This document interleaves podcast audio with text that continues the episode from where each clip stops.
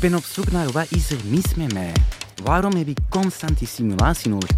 Het lijkt misschien quirky of cool soms om ADHD te hebben, maar het is de meeste van de tijd gewoon pokkenzwaar. We mogen niet vergeten dat het krijgen van een diagnose niet zo gemakkelijk is voor iedereen.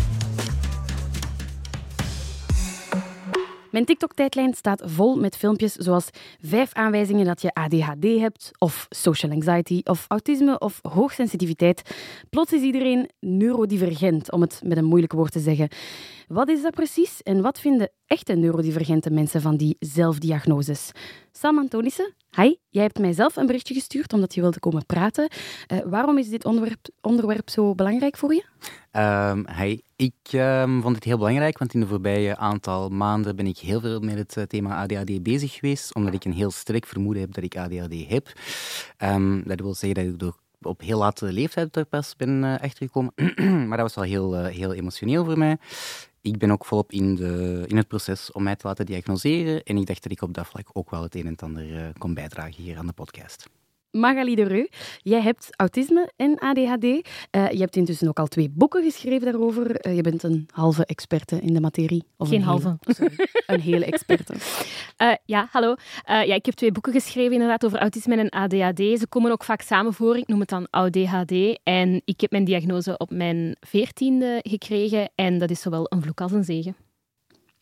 Amakisi, jij bent psychologe en uh, jij ziet af en toe ook patiënten met ADHD, met autisme, neurodivergente patiënten. Ja, dat klopt. Um, ik zie geregeld patiënten uh, die bij mij komen, uh, die een vermoeden hebben van ADHD, die TikTok-filmpjes hebben gezien over ADHD. Dus ik denk dat het heel waardevol is om dit gesprek vandaag te voeren met ervaringsdeskundigen, mensen, met mensen die boeken hebben geschreven over het onderwerp. Dus ik kijk er heel hard naar uit.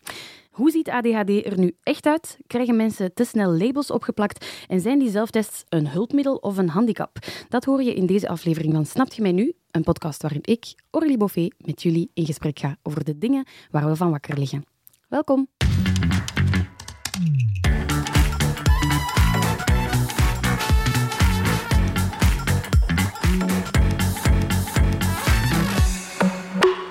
ADHD, eh, officieel Attention Deficit Hyperactivity Disorder.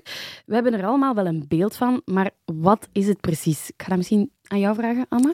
Dus je hebt zo net de Engelstalige benaming gegeven van ADHD voor de mensen thuis. Wilt dat zeggen eh, aandachtsdeficiëntie eh, en of hyperactiviteitsstoornis. Eh. het wordt gekenmerkt, of het wordt beschouwd eigenlijk als een ontwikkelingsstoornis of een gedragsstoornis. En het bestaat uit zeg maar ehm, drie brede kenmerken. Vaak spreekt men over aandachtstekort of onoplettendheid als criterium voor ADHD. Impulsiviteit is ook een criterium, of hyperactiviteit activiteit ook. Um, wanneer dat we zeggen dat het een ontwikkelingsstoornis is, dan willen we daarmee zeggen eigenlijk dat mensen eigenlijk bepaalde gedragingen vertonen die niet echt passen bij hun ontwikkelingsniveau, zeg maar. Dat is hetgeen dat er binnen de wetenschappelijke literatuur wordt gezegd. Ik zie jou hier al kijken. Ja, ik vind dat heel interessant, gewoon omdat um, uh, ik ga akkoord met wat, je, met wat je zegt, grotendeels. Maar um, er is ook een nieuwe, nieuwe benaming voor ADHD uh, eh, vast. Ik weet niet meer precies waarvoor het staat, maar het komt er eigenlijk op neer dat het geen tekort is aan mhm. aandacht, maar een andere verdeling, een atypische verdeling. En dat vind ik veel beter passen. En dat gaat ook uh, tegelijk ook uit van de voordelen die mensen met ADHD mhm. hebben. En ik vind eigenlijk hè, dat een DSM dat zou moeten opnemen. Heel, helemaal akkoord. Uh, dat is de uh, Diagnostic Statistics Manual, something something. Dat is eigenlijk de grote handboek voor psychiaters om uh, een en diagnose... Ja. En psychologen. Ja, dus eigenlijk iedereen die binnen de geestelijke gezondheidszorg werkt en met cliënten of patiënten Wat mij voornamelijk stoort aan, aan de term ADHD, zeker omdat we eigenlijk kwamen van ADD, mm -hmm. is dat ADD voor mij iets meer inclusief was. Um, waar dat ADHD je in de titel eigenlijk al enkel naar de hyperactieven gaat kijken, terwijl er wel degelijk ADHD type 1, 2 en 3 bestaat, waarbij 1 ADHD met hyperactiviteit is, type 2 degene dat meestal uh, over het hoofd wordt gezien, en helemaal bij vrouwen, um, wat dan meer het wegdromerig type is, en dan waar dat de meeste mensen denk ik zich in bevinden die ADHD hebben, type 3, waar je dan eigenlijk uh, een beetje van de twee vertoont. Het is vooral, sorry dat ik je onderbreek, maar het is vooral het tweede dat het vaakst voorkomt. Ah, oké. Okay. ADD komt het vaakst voor, ja. Ah, oké, ik dacht ja. dat het type 3 was. Oké, okay, nee, nee. En hoeveel mensen hebben dat dan? Maar wereldwijd, hè, als we kijken naar de statistieken, uh, dan zien we dat er een prevalentie is van 5% van de mensen die Sowieso hebben. Maar ja, opnieuw, hè, dat zijn gewoon de statistieken die er zijn. Maar ik wil nog even inpikken op hetgeen dat daarnet werd gezegd, hè, over het feit dat het werd gelabeld als zijn een stoornis. Ik hou daar persoonlijk ook niet van. Hè. Dat is gewoon letterlijk de diagnose zoals dat het vermeld staat in de DSM. Ik zelf gebruik zelden de DSM. I just want to put it out there. Nee, heel maar goed. dat is echt, en gewoon dat idee van stoornis veronderstelt dat er al iets mis is. Ja, ik zeg meestal mensen. conditie. Ja, Omdat ik, dat is meer een staat van zijn. Voilà. En ik hou daar ook wel van, want zelf probeer ik ook niet te spreken over mentale gezondheidsproblemen of stoornissen, omdat dat heel stigmatiserend is en veronderstelt dat er iets mis is, terwijl dat mensen misschien gewoon Want helemaal oké zijn, maar dat de omgeving... het, het ding is, soms vraag ik mij af bij ADHD en autisme, Mhm. want ehm, bij beide zie ik dat toch. Ik vraag me af, is het een zogezegd stoornis van het individu of een stoornis van de maatschappij die daar niet mee om kan? Dank u. Zo zie ik het ook. Zo zie ik het ook, ja, voilà. Ik vind het ook niet... Allee, ik vind wanneer dat we spreken over problemen, stoornissen, dat we echt heel schuldindicerend werken. Het is bijna van, het probleem ligt bij de persoon. Er is iets mis met die Of bij persoon. de ouders? Terwijl dat ik echt vind dat dat vaak gewoon normale reacties zijn op, sorry, maar abnormale omstandigheden waarin dat we leven. Dus uh... Ik heb het gevoel, als buitenstaander, dat er nu veel meer mensen gediagnosticeerd worden. Klopt dat? Ja. Oké. Lijkt me van wel. En is dat omdat er nu meer mensen ADHD hebben, of omdat we ook een samenleving hebben waarin we constant geprikkeld worden en inderdaad, de samenleving kan er niet mee om? Ja, ik denk, ik denk dat beide het geval is. Ik denk, sowieso heeft ADHD um, een heel grote overlap met een aantal andere condities en ja, problematieken.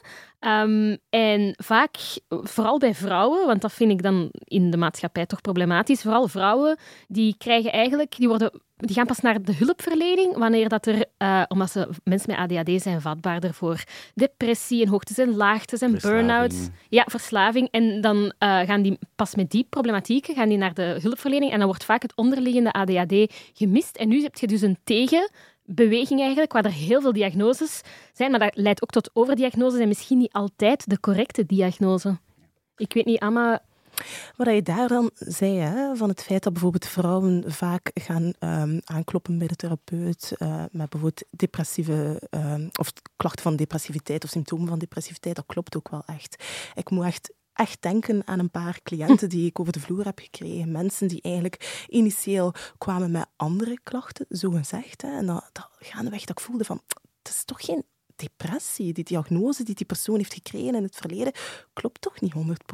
En dat dan pas maar later hè, wordt nagedacht over, ah, maar misschien kan het wel ADHD zijn. Dus...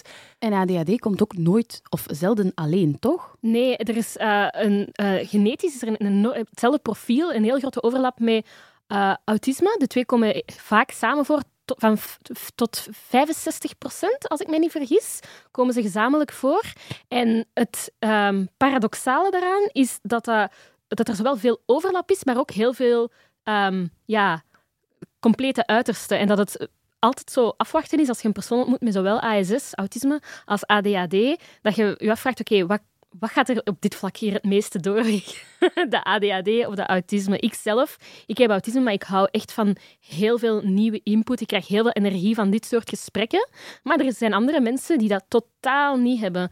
En dat maakt toch ook wel dat er, ja, als je één persoon kent met autisme en ADHD, kent je nog steeds maar één persoon met autisme en ADHD. ADHD heeft sowieso, denk ik, heel veel kenmerken dat heel veel mensen zich in herkennen, mm -hmm. maar niet op een problematische manier. Ah, en ik denk dat ja. daarin, want dat was inderdaad wel eh, um, iets, ik denk dat, dat heel veel mensen die ADHD hebben en zeker op latere leeftijd daarachter komen en daar in hun omgeving mee naar buiten komen, um, dat was in elk geval bij mij toch, je zit in het begin je ontzettend aan het verdedigen tegen mensen. Ja. En de hele tijd moet je horen... Ik heb dat ook. Ah, maar ik heb dat ook. -hmm. Maar kom ook wel eens te laat. -hmm. ah, ja, maar ik, ik, ben ook altijd wel... Ik heb ook altijd wel moeite om een grote taak op te delen in kleinere taken. Oh ja, ik heb het ook wel lastig met mijn eigen af en toe eens in gang te zetten. Nee, maar je hebt er blijkbaar niet elke week last van. Sam, hoe ben jij er dan achter gekomen dat er iets aan de hand was? Burnout. Oké. Okay. Uh, dat en ik, uh, ik zit ook sowieso al um, sinds mijn 21 jaar um, heb ik een, een ja, liefde relatie met wiet. Um, ik denk dat dat ook de, de mm -hmm. eerste drugs is, of de eerste manier is dat ik echt heb gevonden om mijn, op mijn, om mijn dopaminesysteem um, te stimuleren. Want ik denk dat we het daar nog niet echt over hebben gehad, is um, wat dat chemisch uh, ADHD doet in jouw brein, of wat dat het is, is dat je um, dopamine-sensoren, of dopamine-receptors, in je prefrontal cortex heel erg onder... Ja, ik weet het, moeilijke woorden.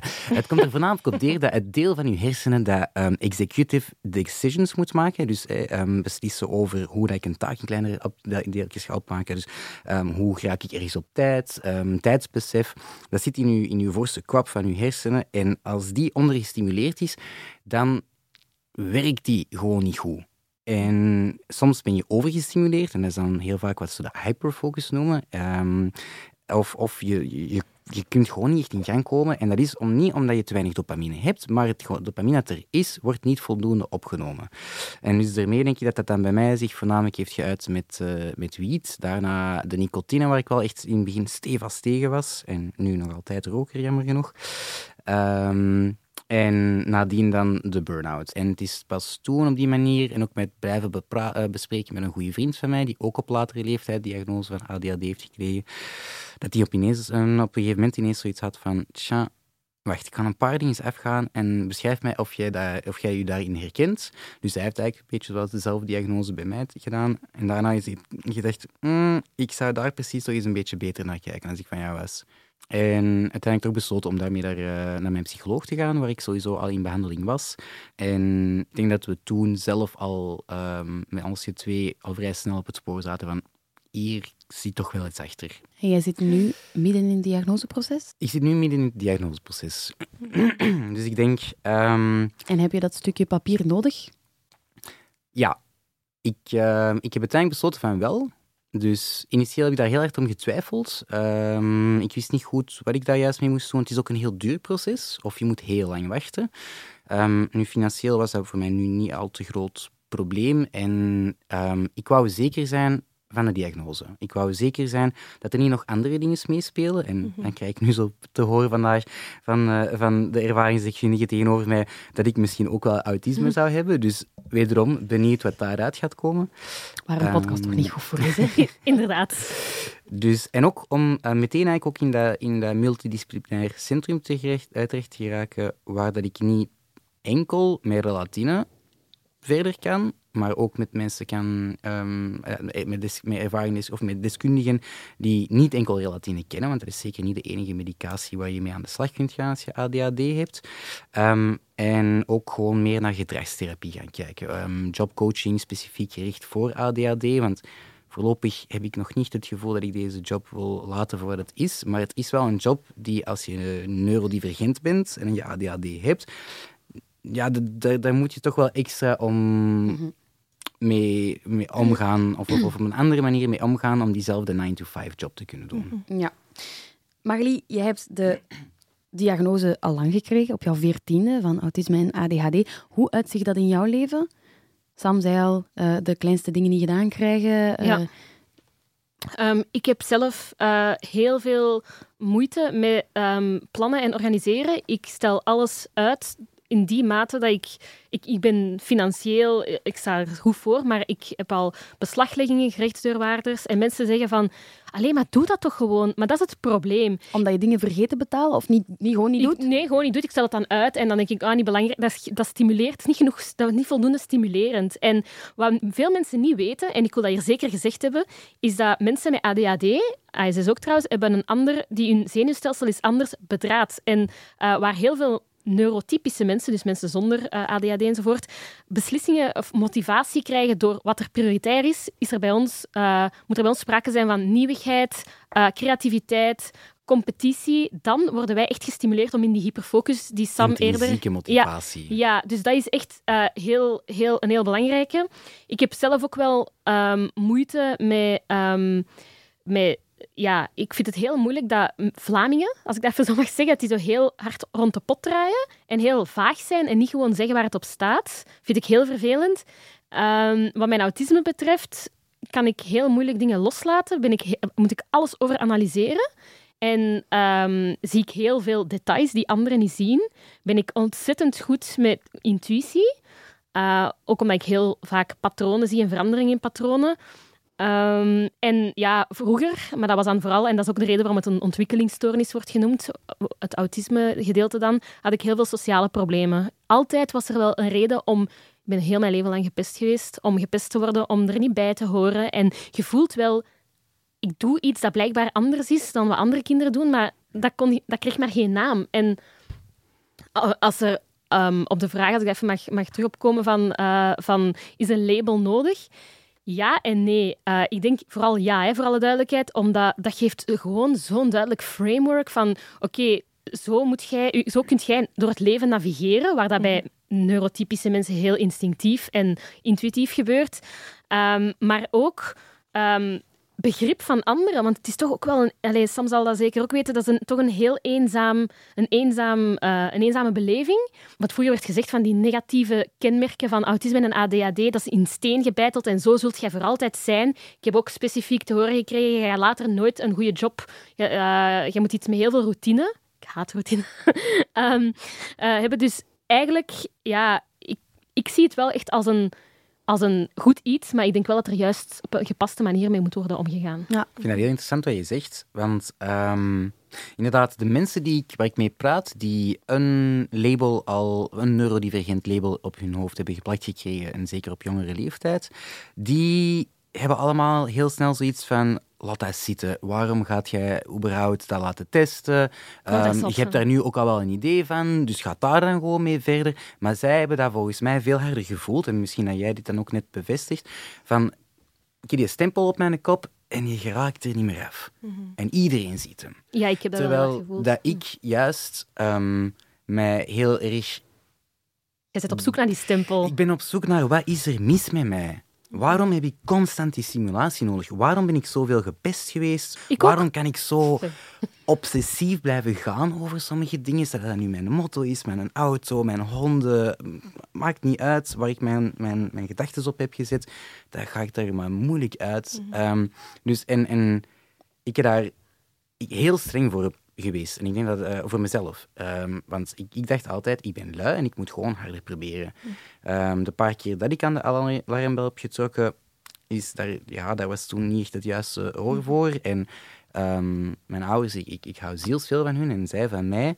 Maar ja, geen een van ons drie was op dat moment capabel om te begrijpen het is niet dat hij het niet wilt, dat hem het niet kan. Mhm. Natuurlijk, het ding is, als je zo intelligent bent, hè, dan, gaat dat, allee, dan duurt het soms lang voordat je die diagnose kunt krijgen. Hè, omdat je heel lang dat kunt wegsteken. Soms. Ja, en, en AD, voor mij, AD, het hebben van ADHD, zeker als je dan een late diagnose krijgt volgens mij, is voelen alsof er heel, heel je leven lang een saboteur is en dan op het mhm. einde van de rit vaststellen dat jij de saboteur bent. Ja, ontzettend. Helemaal. Maar wat, dat, wat ik ook heel opmerkelijk vond, en aan jullie verhalen en het is eigenlijk ook iets dat ik vaak ook in de praktijk zie, hè, is het feit dat ADHD ook echt een negatieve impact heeft op jullie levenskwaliteit. Allee, ja, mensen leven ook minder lang hè, met autisme en, ADHD. En, en, en ook allee, bijvoorbeeld op school, hè, dat kan een impact hebben op je schoolsfunctioneren, op het werk, relaties, etc. En dat vind ik wel een belangrijke ook om mee te geven. Het gaat hem niet gewoon over die drie criteria. Ja, ja, ja, Nee, het moet... En, allee, want dan zeggen mensen ook van, oh ja, maar ik heb dat ook wel soms, zaken vergeten.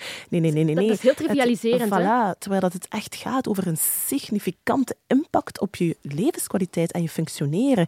En het is dat dat maakt dat het dan uiteindelijk ADHD is en niet gewoon iemand... Allee, dat je iemand bent die gewoon ja. vergeetachtig Wat ik heb, ik heb momenteel... Wat Ama zegt, ik ben heel blij dat ze dat aanreikt, want inderdaad, de levenskwaliteit... Ik kan niet autorijden zonder iets anders tegelijk te doen. Ik moet multitasken, dat is levensgevaarlijk. Mensen met ADHD raken ook vaker betrokken bij verkeersongevallen.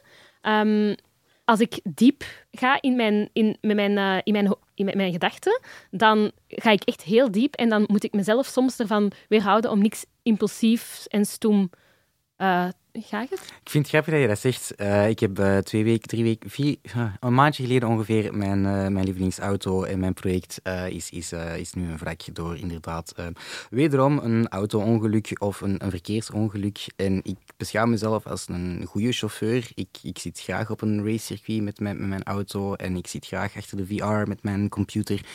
Um, maar ja, ik ben wel een van de weinigen van de vriendengroep die ondertussen al drie auto's op zijn kerfstok heeft staan. Oh. Ja, bij mij is het nog niet, nog niet zo erg, maar ik voel wel dat ik, dat ik elke dag moet bekomen van hoe zwaar het, het leven is. Je moet je dat in, inbeelden. Sorry, ik word er echt emotioneel van. Maar elke prikkel heb ik gezien. Dus waar andere mensen hoofd en bijzaak van elkaar kunnen onderscheiden in het dagelijkse leven, ik heb alles gezien. En op het einde van de dag, je hebt ook heel veel mensen met ADHD die heel slecht in slaap. Maar ik, ben, mijn, ik heb mij gewoon zo moe gepiekerd en moe geleefd. Mhm. En ik weet ook, ik, ik voel dat ook, dat ik...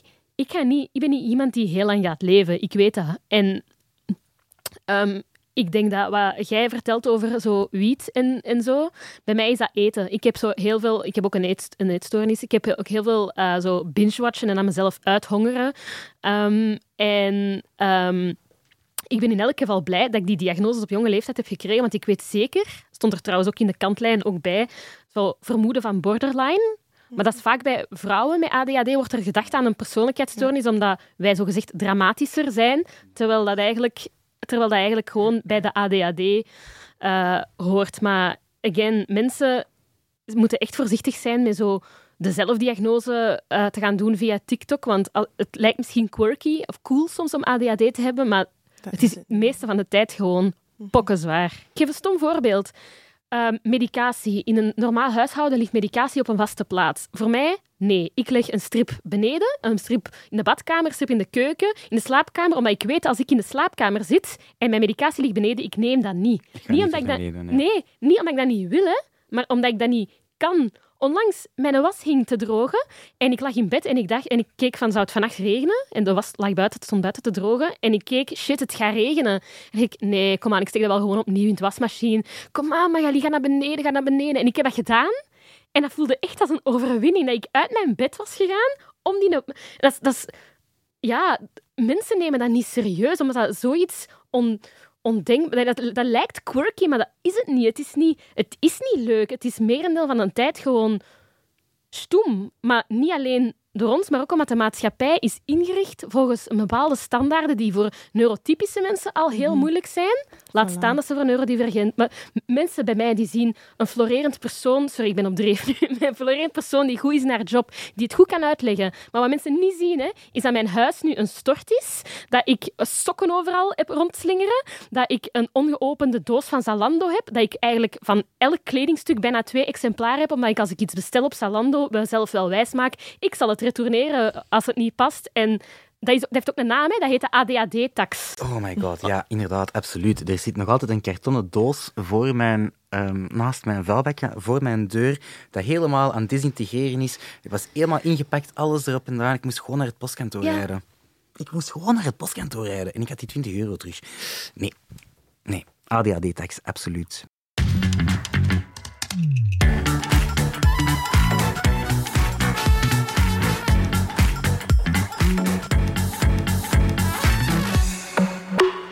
Haalde het aan, als je die video's ziet, dat is heel pijnlijk voor jullie. Zien jullie die passeren? Mensen die zeggen, oh, je hebt ADHD als je eens vergeet wat je nodig hebt als je in een kamer wandelt. Iets ja. iedereen wel voor. Kent je, wel zo van die verkeersborden? Zo van, um, neem je mijn parkeerplaats, neem dan ook mijn handicap. Dat, dat, is echt het sentiment dat dat bij mij opwekt. Omdat en wat mij ook heel hard stoort, manneke, op die, bij die TikTok-video's uh, worden er kenmerken aan ADHD toegeschreven die dus niks ADHD zijn, die helemaal autisme zijn. Of iets, iets anders, of iets dat er helemaal niet mee te maken heeft. Vind jij dat een probleem? Is dat gevaarlijk? Maar ja, een probleem. Ik denk ten eerste is dat een normale reactie. Hè? En ik denk dat mensen sowieso op zoek gaan naar manieren om eigenlijk hun omgeving of hunzelf eigenlijk te gaan begrijpen. Dus herkenbaarheid. herkenbaarheid. Dus het feit dat mensen die... Vroeger was dat dan dat mensen blog, uh, blogposts schreven of uh, op, op, hoe noem je dat, op die Tumblr. fora ah, en dergelijke meer. Hè? Nu is het op TikTok. Dus ik denk dat dat eigenlijk een heel normaal fenomeen is. Right? Um, en bij alles, ja, you have a good and you have a bad, right? Mhm. Dus ik denk enerzijds kunnen we zeggen dat het aspect van herkenbaarheid, uh, er is uh, eh, ADHD uit de taboesfeer halen, uh, het kan ook destigmatiserend werken. Het kan ervoor zorgen dat, dat je zoiets hebt van, ah ja, oké, okay, wait a minute. Misschien heb ik dit wel. Dus dat kan eigenlijk um, een aanzet vormen om uiteindelijk gesprekken te gaan voeren, bijvoorbeeld met je psycholoog, et cetera, over ADHD. Het kan een mhm. start zijn. Voilà. Het kan voor sommige mensen ook bijvoorbeeld aan de hand van de tips die mensen kunnen krijgen via TikTok, want dan zie je soms ook dat er bepaalde tips worden uitgewisseld. Hè. Die tips kunnen mensen met ADHD ook helpen, of dat kan ervoor zorgen dat mensen zoiets hebben van, ach, oké, misschien kan ik dit eens met mijn therapeut bespreken of zo. Hè. Maar wat men vaak denkt is, dat wanneer dan mensen die TikTok-video's zien, hè, dat de meeste mensen dan een zelfdiagnose gaan formuleren. Dat zie ik niet zo vaak in de praktijk. Wat ik vaak zie, ja, is dat mensen eigenlijk bij mij komen en zeggen van ik heb dit gezien online, wat vind jij ervan? Dat vind ik top. Ik vind, en, en als psycholoog kan ik snappen dat dat het, en vind ik goed ook dat dat, dat, dat het merendeel van de dingen is die je, die je ziet. Maar een, ik zit heel veel op Twitter en er mhm. zijn heel veel mensen ik ben zelf, ik probeer, ik kan mezelf geen rolmodel noemen, maar ik probeer wel een beetje een spreekbuis te zijn voor zo de ADHD-community in, uh, in, in België, in de Benelux. Ik heb ook een Facebookgroep, Outcasts. Maar er zijn ook mensen die geen diagnose hebben, geen officiële diagnose, hmm. maar die wel um, op Twitter daarmee zeggen van ja, typisch voor mijn uh, eh, uh, eh, ADHD. En dan zeggen die iets en dan denk ik, dat fenomeen vind ik heel gevaarlijk. Omdat ja. eigenlijk mensen gaan die gaan zichzelf positioneren als soort van vertegenwoordiging van wat ADHD of autisme is. Maar misschien hebben ze het misschien wel, hè, maar misschien ook niet. En zo ver, die, wordt die... Wordt die Desinformatie. Ja, ja, inderdaad. Dat is het ding. Je hebt natuurlijk niet zoveel controle over hè, de informatie die wordt verspreid uh, via TikTok. Dus het kan zijn dat er heel veel foutieve informatie wordt verspreid. Hè. En, en of dat informatie verkeerd wordt geïnterpreteerd door mensen, dat mag je ook niet uitsluiten. Nee, inderdaad. Dus sowieso denk ik dat daar ook gevaren aan gekoppeld zijn. Hè. Om een effectieve, degelijke diagnose te stellen, hè, is er wat deskundigheid nodig, hè, expertise, ervaring, etc. Moet je met een multidisciplinaire multidisciplinair team werken, om dat vanuit verschillende perspectieven te bekijken. Hè. Dus dat zijn allemaal zaken die niet aan bod komen via TikTok. Maar nog één ja, nee, iets dat ik zeker wil zeggen is, we mogen niet vergeten dat het krijgen van een diagnose niet zo gemakkelijk is voor iedereen. Dat is niet even nee, makkelijk voor iedereen. Ja, je moet daar bepaalde middelen voor hebben, dat kost ook wel wat geld, die wachttijden. Je moet weten waar dat je die hulp kunt krijgen. Sommige mensen hebben die informatie niet, die hebben die middelen niet. Dus in a way, ik denk dat we dat, dat we ook wel mild moeten zijn soms. Ja, en ik denk ook de mensen die naar deze podcast luisteren, misschien ook wel uh, erkenning of herkenbaarheid zullen terugvinden in het feit dat autisme en ADHD ook met heel veel andere dingen samen gaan die eigenlijk waar nog onvoldoende over geweten is. Zoals heel veel mensen met ADHD zitten op het LGBTQIA spectrum. Um, dat is effect, onderzoek heeft echt aangetoond dat mensen met autisme en ADHD more likely zijn om uh, binnen, die, binnen dat spectrum te vallen. Um, ook bij vrouwen met ADHD veel meer hormonale uh, uh, klachten, hormonale problemen. Tijdens de menstruatie toename van ADHD-klachten. Uh, um, en, en de relatine die dan minder werkzaam is. En dat zijn dingen die ik ook heel hard ondervind. Um, uh, ja, en, en, een heleboel fibromyalgie bijvoorbeeld komt ook heel vaak voor. En dat zijn dingen waar er toch veel te weinig over is geschreven. En dan denk ik van, allee, als ik dat weet, als waarom moet ik dat als ervaringsdeskundige naar buiten gaan brengen? Waarom kunnen we niet... Omdat jij ook een expert bent, I'm sorry. ja, dat is lief. Maar, zo is het ook wel. Dat, ja, maar soms voel ik mij zo een beetje een clown, omdat ik dan zo over van die wetenschappelijke dingen moet gaan schrijven zonder wetenschappelijke achtergrond. En, allee, en dat, is eigenlijk, dat is eigenlijk mijn grootste frustratie. Um, zo, en sorry Sam, je gaat daar misschien niet over kunnen meespreken, maar je, je um, ziet dat vrouwen, dus bij alles in de wereld, elk, elk ziektebeeld, elke conditie, dat is anders bij vrouwen. En heel lang is alles door en voor mannen geweest. En um, daarom had ik ook zo'n beetje een soort van... Um, bijna een gespleten persoonlijkheid toen ik die diagnose kreeg. Want in, op, ja, op een manier kon ik mij heel hard terugvinden in bepaalde dingen. Maar ik dacht ook van, ja, maar ik verzamel toch geen postzeels? Ik ben toch niet geobsedeerd door treinen? Mhm, het manifesteert zich anders. Ja, het manifesteert zich anders. En daar is te weinig aandacht ja, voor. exact. Maar ik denk inderdaad, als, eh, een van de dingen... Een van de redenen waarom ik volgens mij voor mezelf nooit aan ADHD gedacht heb, is omdat het beeld dat ik van, aan van ADHD heb, is het echtjarig kindje in de klas, het jongetje, om alle, voor alle duidelijkheid, ja, dat niet kan stoppen en dat op zijn stoel aan het springen is, dat de klas wordt uitgezet en dat waarvan daar wordt opgemerkt, oei, hier is een probleem mee. Ik ben ook volledig onder die radar doorgegaan, omdat ik gewoon wegdraai, wegdroomde en altijd maar traag was. Maar hij was traag, ja, hij zal wel gewoon wat trager zijn. Dat is misschien een, eh, een nutteloze vraag, maar Amma, is er genoeg diversiteit in ziektebeelden? Weten we genoeg over andere... Ja, het gaat nu vooral inderdaad vaak over de witte man als, mhm. als basis. Maar zie je dat ook vaak terugkomen, dat um, vrouwen bijvoorbeeld, of mensen van kleur, anders worden gediagnosticeerd? Wat ik vaak zie in de praktijk is dat vrouwen van kleur bijvoorbeeld minder rap gediagnosticeerd worden met ADHD. Bijvoorbeeld, dat zie ik. Maar tegelijkertijd is er ook wel wat wetenschappelijke evidentie die eigenlijk aantoont dat um, personen van kleur een verhoogde kans hebben eigenlijk om de diagnose ADHD te krijgen. Makes sense, hè? Voilà. Um, dus, allee, heeft dat ook niet te maken, mag ik dat vragen? Heeft dat te maken met het feit dat zij um, sowieso door uh, ja, hun andere huidskleur, dat zij sowieso minder geaccepteerd, dat zij meer moeite moeten worden doen om eigenlijk geaccepteerd te worden en erbij te horen en dat daardoor hun genetische aanleg voor ADHD heel hard gevoed wordt, waardoor dat dan tot uiting komt? Zie ik het, heeft dat ermee te maken? Want ik weet dat heel veel mensen... Ja, sorry, zeg maar. Ja, ik denk dat er verschillende factoren zijn. Ik denk enerzijds, hè, ADHD wordt vaak beschouwd als een gedragsstoornis of probleem. Hè. Dus ik denk, wat je vaak ook ziet, is dat bijvoorbeeld zwarte kindjes hè, al rapper worden beschouwd als zijnde problematisch. Die of bijvoorbeeld als ze uh, afwijkend gedrag vertonen. Bijvoorbeeld. Die link kan je al vrij gemakkelijk gaan leggen, hè, dat dat al sinds wel een factor is. Die gaan dan ook meer maskeren waarschijnlijk.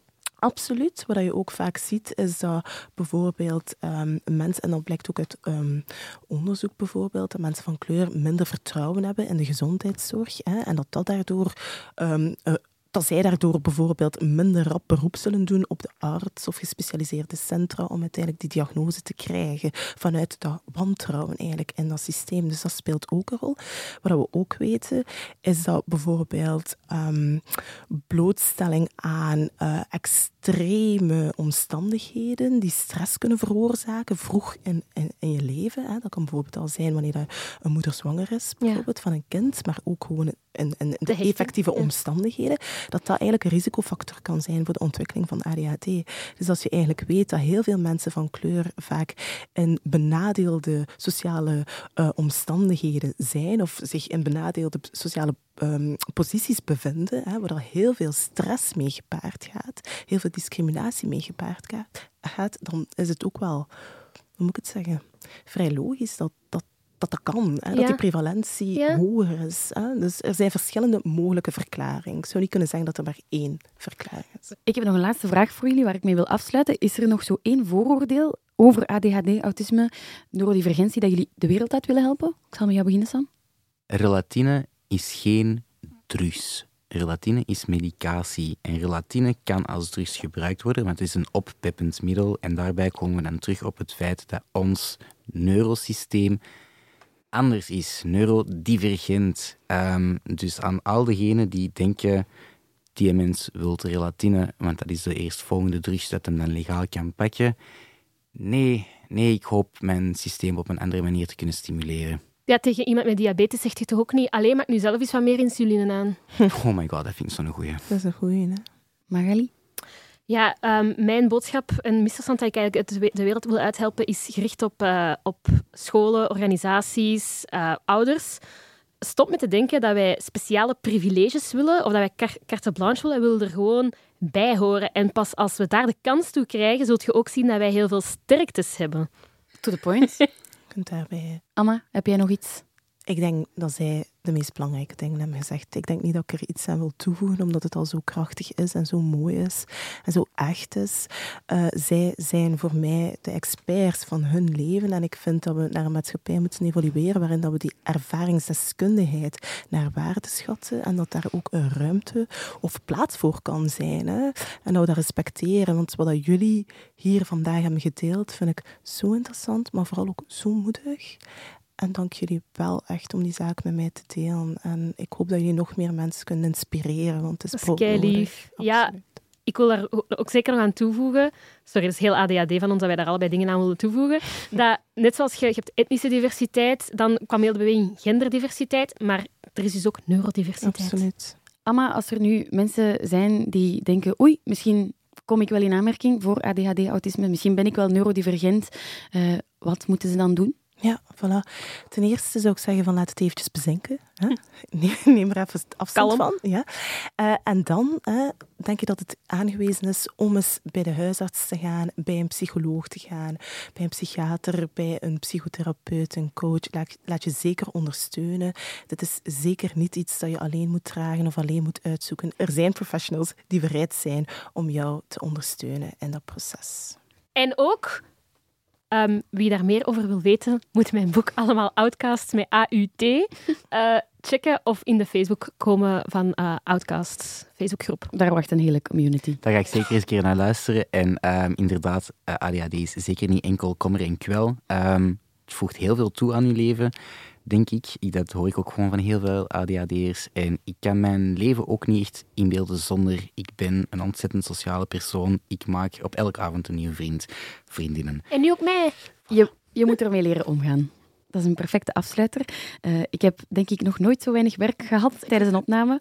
Maar ik wil jullie alvast um, heel erg bedanken voor deze zeer straffe getuigenis. Ik vond het super interessant. Ik hoop dat jullie het... Uh, ging het? Ja, heb ik ja. te veel gebabbeld? Jullie hebben ontzettend veel gebabbeld, maar daarvoor zitten ja, ik had soms, soms gevoel ik zo... Ik heb zoiets dat Wacht, woord van... ben nog niet klaar. Sorry, ja, voilà. Dank jullie wel om jullie verhaal met ons te delen. Dank je dat ik uh, te gast mag zijn. Ja, same. Sam, Amma en Magali. Waar probeer jij jouw vrienden van te overtuigen? Waar lig jij s'nachts van wakker? Stuur me al jouw ideeën door via de Instagram-pagina van VRT Nieuws of stuur me een berichtje op Twitter via Aurélie-Boffé. En misschien ben jij wel te gast in mijn volgende aflevering.